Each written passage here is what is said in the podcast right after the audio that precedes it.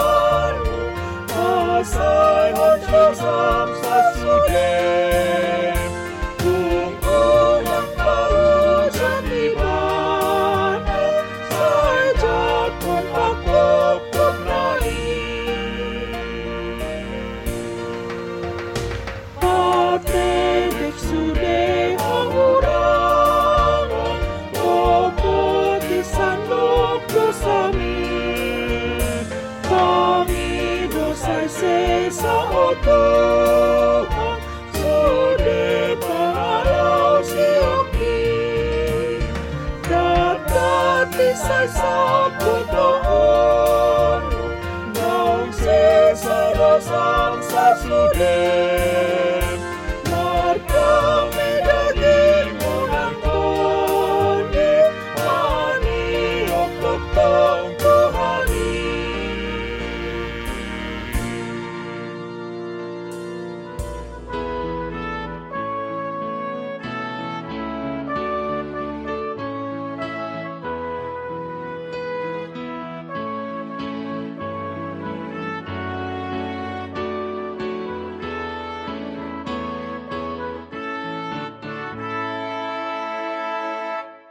Renungan Harian HKBP Rawamangun.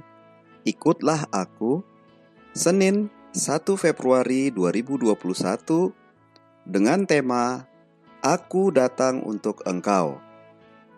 Bacaan kita pagi ini tertulis di dalam Ulangan pasal 22 ayat 1 sampai 4 dan bacaan kita malam ini tertulis di dalam Kisah Para Rasul pasal 21 ayat 17 sampai 26. Dan kebenaran firman yang menjadi ayat renungan harian kita hari ini tertulis di dalam Injil Lukas pasal 5 ayat 32.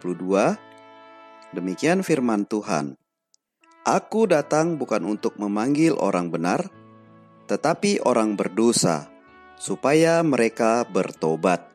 Demikian firman Tuhan.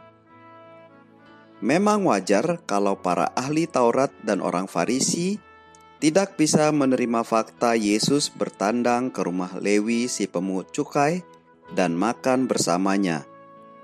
Dalam tradisi orang Yahudi, makan adalah bentuk persekutuan. Bagaimana mungkin orang benar, bahkan seorang rabi, bersekutu dengan orang-orang berdosa? Apa yang ditolak karena dianggap najis? Justru itulah yang Yesus lakukan. Yesus dan para murid menghadiri perjamuan makan yang diadakan Lewi untuk dirinya. Bahkan ia duduk semeja dengan mereka yang disebut orang berdosa oleh para ahli Taurat dan orang-orang Farisi. Mengapa Lewi mengundang Yesus? Karena sebelumnya Yesus telah mengundang Lewi untuk mengikutnya. Undangan Yesus inilah yang mendorong Lewi untuk menghormati dia dengan perjamuan makan. Sekaligus kesempatan itu digunakan untuk membawa teman-teman sejawatnya mengenal Yesus. Bagi Yesus, yang penting dari undangan perjamuan makan adalah respons Lewi yang menerima kehadirannya dalam hidupnya dan kehadiran orang-orang berdosa lainnya untuk mengenal dan menerima Dia seperti yang telah terjadi pada Lewi.